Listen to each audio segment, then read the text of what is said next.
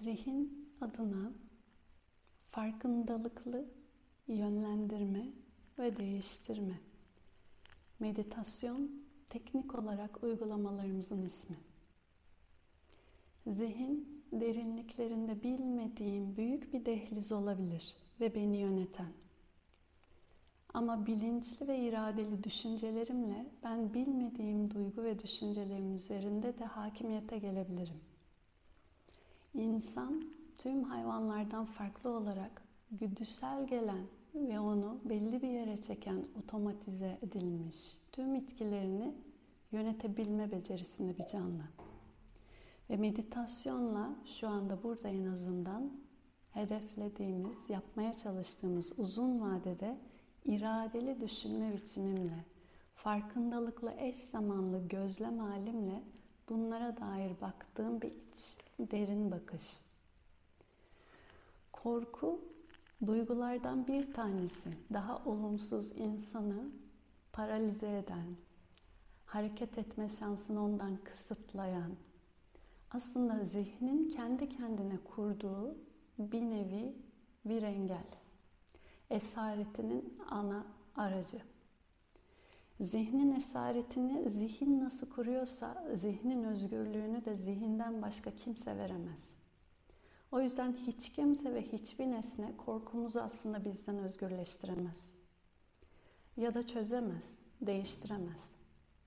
Korkularımız aslında nasıl ki zihnimizle kendi üretimlerimiz ve tanımlarımız ve belirleyicilerimiz özgürleştiren de aslında kendi zihnimiz kendimiz üzerinde değişim dönüşüm şansımızı açtığımız. Bu yüzden birincisi insan kendi duygularına önce tanış olmalı.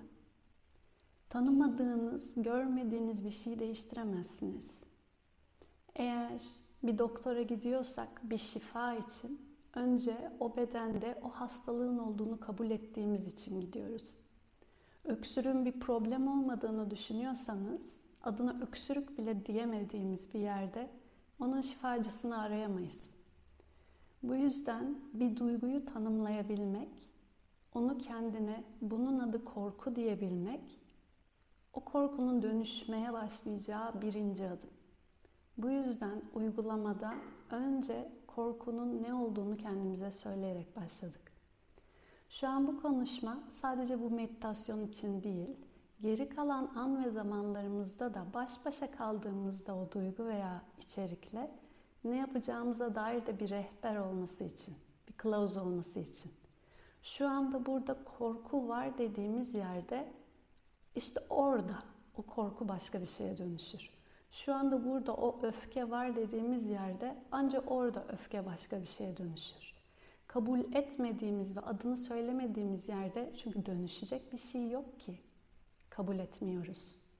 Dolayısıyla o derinlerde saklı, gizli, halı altı beklemeye ve kendine göre kendini istediği zaman göstermeye devam eder. Bu nedenle sağlıklı, en azından kendim için daha az acılı belki olabilecek, orada koluma diken batmış demek. Sonra dikeni çıkarmanın yolunu çünkü düşünürüm. Bu yüzden önce korku var dedik ve korkuyu tanımladık. Bazen korku var deriz ama adının ne olduğunu söyleyemeyiz. Bazen içimizde hüzün var deriz ama neden hüzünlü olduğumuzu söyleyemeyiz. Bunun için birkaç dakika saniye susup durmak gerekiyor. Onun ne olduğunu çünkü aslında derinlerinde biliş, bilinç, beyin ne dersek biliyor veya içimiz diyecekseniz biliyor. Sadece onunla belki o yüzleşmeyi biraz ertelemek istiyoruz. Bu nedenle kabul, oradaki o meydan okuma kendime dair isminin de kendini göstermesine izin vermek. Ve o isim çıktığında daha fazla zaten ismin kendisi, kelimelerin kendisi muazzam güçtedir. Cevap verir çünkü içeride. Kelimeye döküldüğü yerde daha fazla dehşete kapılabilirim. Çünkü artık ete kemiğe bürünmüş bir şekilde. Bir nevi o karanlıkta yürüyen çocuk nasıl dönüp baktığında arkasına kimin kovaladığını bilmeden, kimin onu korkuttuğunu bilmeden o karanlıkta korkudayken dönüp baktığında yarattığı kafasındaki canavarları ya da şeytanlarının bir formu varsa onları bir resme dökse, bir kalem kağıt alıp çizse o anda o korkusu zaten değişmeye başlar. Zaten tanımlayamadığı o belirsizlikten gücünü alıyor korkularımız özetle. Belirsizliklerimizi aslında değiştirip o korkularımızın sınırlarını görmeye başladığımızda onun zihinle nasıl kurgusunu ve derinleştiğini kendimize yüzleşme ve açık etmeye başlıyoruz. Bu yüzden ikinci aşaması her ne pahasına olursa olsun o meydan okumaya girmek ve ona isim verebilmek. Ölmekten korkuyorum olabilir bu. Sevgilim adı neyse Ayşe'nin ölmesinden korkuyorum da olabilir. Kaybetmek daha bile yumuşak. Eğer ki örnek veriyorum ölüm kelimesi daha dehşet yaratıyorsa içinizde gerçek dehşetin sebebinin gerçek dehşeti çağrıştıran kavramı söylemek asıl oradaki o çözülmeyi veya özgürleşmeyi yardımcısı. Bunun için örnek. Bu anlamda o cümle artık belirdiğinde karşımda, şimdi artık karşı karşıyayım. O var, ben varım. Ben de ona bakıyorum.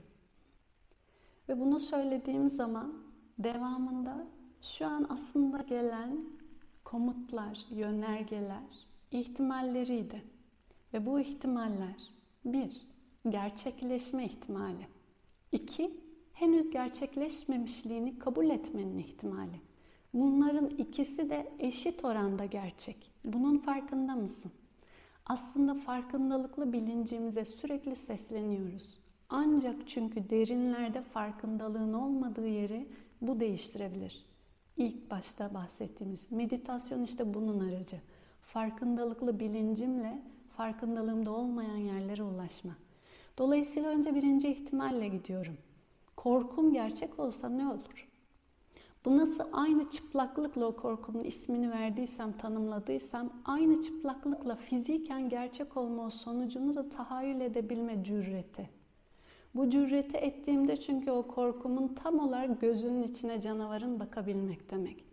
Ve fiziken olduğu yerde aslında olma ihtimalinde bana ve çevreme olabilecek diğer ihtimalleri bir an olsun o kabulünde değişim ve dönüşüm adına ne ihtimaller taşıyor ona da alan açmak.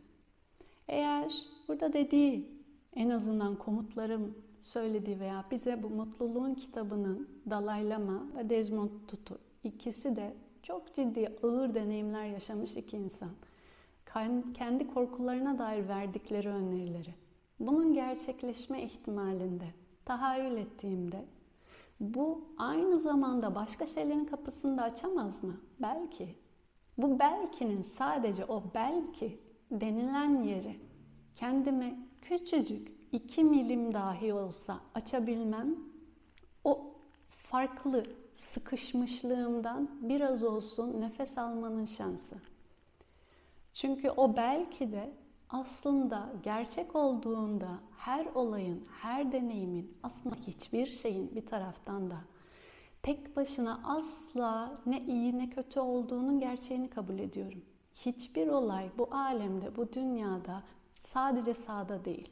Bir şeyin sağında ve bir şeyin de solunda. Her şey ya sağda ya solda ama baktığın ve bulunduğun yere göre konumunu değiştiriyor. Bu yüzden her ne kadar gördüğüm yer sol olsa da şu an örnek sadece yani o deneyimin korkunun nesnesiyle olumsuz ihtimalinde yaşayacağım acı, kayıp veya sefalet hali. Aynı zamanda hiçbir şey sadece eksi ya da artı değil hepsi beraber yerine göre sağ ve solsa kazançları da var. Belki şu anda bu oyuna girsem, bu alışverişe girsem istemediğim kazançlar. Ama onların bana uzun vadede ne getireceğini bilemeyen bir zihinle buradayım. Bunu en azından kabul edebilirim şu an. Bu zihin baktığında, bu gözler ya da daha fiziksel baktığında görebildiği maksimum 300, 400, 500 metre fiziken. 5 kilometre öteyi göremiyoruz. Bu göze o güç verilmemiş. Kartal, şahin görebiliyor belki ama insan gözü görmüyor. İnsan gözü en azından 4 kilometreyi görmezken kendine şunu demeli. Görme gücüm yok 4 kilometreyi. Bu gerçektir. Eğer bunu derse o zaman 4 kilometreyi göremediği yerde görüyormuş gibi numara yapamaz ve kendini kandıramaz. Bu deminki konuştuğumuz şeyin aslında aynı metaforu. İhtimaller silsilesinde bir ihtimali görüyorsam, sadece 300 metre ötesini görüyorsam, bunun yolun sonu olduğunu nereden biliyorum? 300 metre sadece 300 metrenin sonudur. Ama 5 kilometrede 5 kilometre 300 metreden daha sondur. 100 kilometrede 5 kilometreye göre daha sondur. Bunu en azından kendime söyleyebilirim. Bu çünkü gerçek görüş. Gerçek görüş 300 metreyi görmek değil. Gerçek görüş insan görüşünün kısıtlı ve dar olduğunu kendini hatırlatmak. Çünkü insanın görüşü böyle. Göz için nasılsa zihin için de ihtimaller dahilinde böyle. Ve korkun ihtimallerden bir tanesinin bir nihai son olduğu yanılsamasının ta kendisi. O korkunun deneyiminden sonra daha başka deneyim olmadığını nereden biliyorum? Bunun kendisi ölüm bile olabilir. Eğer nihai bir son olarak şu an fiziken sayıyorsak. Bunun da ötesinde başka deneyimin olup olmadığını nereden biliyorum? Olduğunu iddia etmiyorum. Etmiyoruz. Ama olmadığını nereden biliyorum? Bu başka bir düşünce. Ama bu eşit önemli bir düşünce. İkinci ihtimal. Dolayısıyla daha birinciyi kabul etmeye gelmedik ama çoğumuz belki o şeyde daha büyük ya da daha zorlusu. Ama ikinci ihtimal hatırlayabileceğim bunun ihtimallerden bir ihtimal olduğu sadece. Yani bu korkumun nesnesi, olayın kendisi olabileceklerden bir tanesi ve eşit oranda diğerleri de. Bundan bu kadar emin nasıl olabilirim? İnsan genellikle korkuyu kaybetmeyle ilişkilendirerek aslında deneyimliyor. Bir şeye sahip olduğum ve bulunduğum an veya durumun o parametrelerini sabitleme arzusu ve isteği çoğunluğunda kaybetme fikrini ortaya çıkartarak aslında bize korkuyu doğuruyor. Korku temelde bakarsak fizyolojik veya fiziksel. Diyelim ki bir köpek beni kovaladığında o anda korkmam, kaçmamın destekçisi olabilir. Yani beni bir eyleme getirir, götürür. Ve hayat kurtarıcı olabilir. Hayatta kalmak adına aslında çok fizyolojik bir yerde. Korku en güdüsel, en içgüdüsel aslında. Hayatta kalmanın reflekslerinden. Ama bununla beraber o hayatta kalmayla beraber hangi aslında fikirler veya ilkeler ya da kabullerle ben kendime daha sahibiyet veya mülkiyet ilişkileri kurmuşum ki bunları aslında kayıp etme ihtimalini de dolayısıyla doğuruyorum. Bunu da sorgulatabilir. Çünkü aslında sahip olmadığınız bir şeyi kaybedemezsiniz. Ancak bir şeye sahip olmanız lazım onun için kaybettiğimi düşüneyim. Bunun adı beden de olabilir. Bedeni kaybettiğimi düşünüyorsam bedenin benim olduğunu önce kabul etmem lazım. Bedenin benim olduğunu düşünmüyorsam bedeni kaybedemem. Bu saat benim değilse bu saati kaybedemem.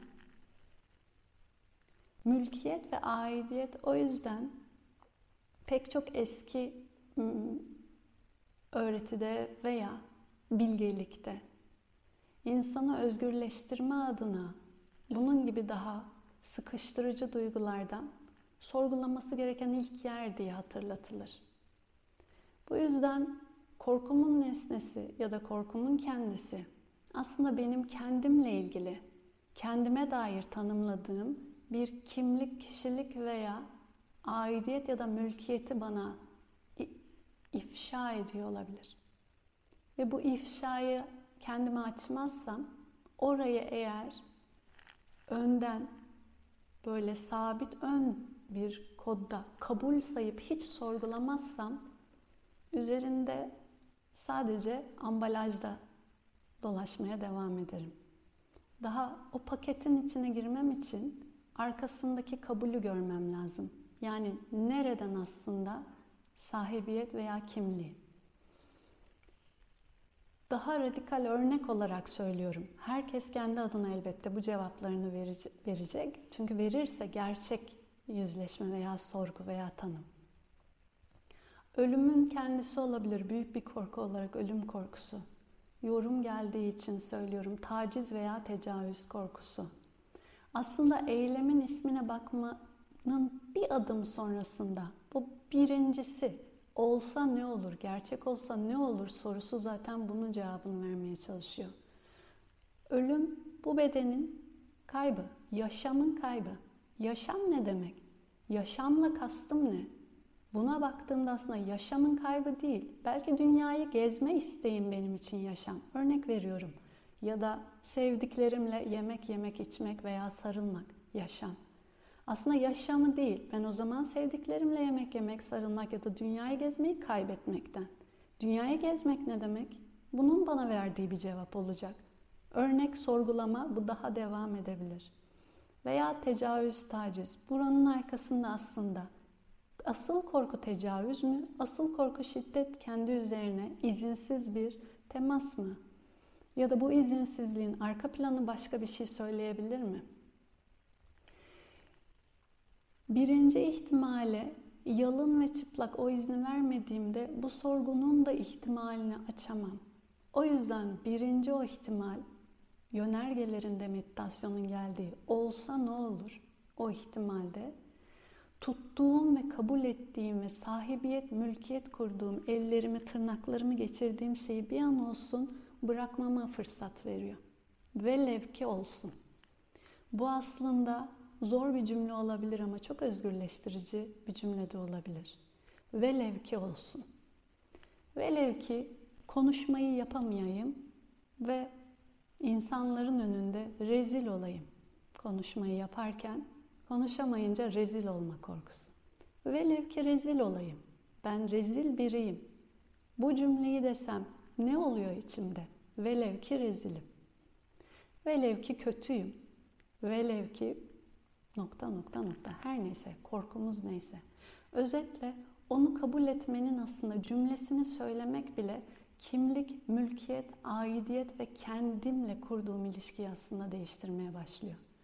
Bu anlamda korkularımız aslında kendiliğimizi, benliğimizi, kimliğimizi nereden ve nasıl kurduğumuzu inşa ettiğimizin aslında en güzel inşacıları, en güzel turnusol kağıtları. Koridorda korkan bir çocuk örneği, karanlıkta. Çoğumuzun belki korktuğu. Şimdi korkmuyoruz tahminen. Korkularımız olabilir hala koridorlarda. Ama çocukların çoğunluğunda korkması, ona baktığımızda anlayışla görebiliyoruz onu. Neden korkuyor? Çünkü kendi adına kurduğu güvenlik alanı ve kendiyle ilgili kendi kimlik alanının ne kadar daha kırılgan ve daha sağlam bir mesnet bulamadığını baktığımızda bir 5 yaşında, 7 yaşında bir çocuğa söyleyebiliyoruz. Ve onun korkusuna o zaman gülümsüyoruz. Bu gülümseme ardında alay kastetmiyor. Şefkat kastediyor. Şefkat aslında baktığınızda bir insana sadece acıma gibi bir duygu değil veya alay anlamında da bir gülümseme değil. Anlayış, çok derin bir anlayış demek şefkat. O zaman kendi korkum da aynı o çocuk gibi belki mesnetini kuramamış bir kimlikten, belki yanlış tanımlanmış bir aidiyet mülkiyetten Bilemesem ve göremesem de o bağlantıyı kendime de şimdilik en azından göreceğim o güne kadar aynı anlayışla gülümseyebilirim. Eş zamanlı, korkarken hem de aynı anda. Eğer o gülümsemeyi yapabilirsem o zaman o dönüşümün gücünü ki bu gücü ben benden başka kimseye veremez verebilirim. O gücü sadece kendimiz kendimize verebiliyoruz. Bu yüzden burada Nelson Mandela'nın çok güzel cümlelerini yazmış kitap. İlham yaşanmış deneyimlere bakarak aslında başkasının kendinde gördüğü gücü kendim de aynı şekilde yansıtabilirim demek. Buradaki bu kitabı seçmemizin sebebi çok ağır, çok zor deneyimler yaşamış bu iki insanın hayatlarında yine de içsel cesaret gücü veya affetmeyi ya da anlayışı nasıl kurabildiğini, zihnini nasıl aslında yönlendirip yönetebildiğini söylediği için. Mandela'nın o sözüyle en azından şimdilik bu akşamını tamamlayabiliriz. Diyor ki cesaretin korkunun yokluğu değil, ona karşı kazanılan zafer olduğunu öğrendim. Korkuyu hatırlayabildiğimden daha fazla kez hissettim. Ama onu bir cesurluk maskesinin arkasına gizledim. Cesur bir adam korkmayan değil, o korkuyu yenen adamdır. Ve cesaret, bunu da Desmond Tutu eklemiş, korkunun yokluğu değil, ona rağmen harekete geçebilme yeteneğidir. Ona rağmen. İngilizce courage bu kelimenin kökünden söylemişler. Fransızca da aynı kökmüş. Kör, kalpten gelirmiş. Kör, Fransızca kalp demek. Kalbinizle ilgili aslında. Kalbinize verdiğiniz bir nevi bağlılığınız demiş kitap. Kalbinizin aslında bu ki aslında daha derin bir yerden kurduğunuz o şefkat ve anlayışla belki diyelim gücü. Dolayısıyla siz o korkudan daha büyüksünüz. Korku nesnesi size büyük bir canavar gibi görünse de o içerideki kalp anlayışı ve şefkatiyle aslında onu kapsayabilir, sarabilir. Kendinize verdiğiniz bu alan, an ve şans için teşekkür ederim herkesin kendi içinde çözebileceği bir tek küçük korku yüzleşmesi binlerce insanın korkusunu değiştirmeye ve çözmeye yardımcı olabilir. Bu ilham alınan insanların hikayeleri öyle.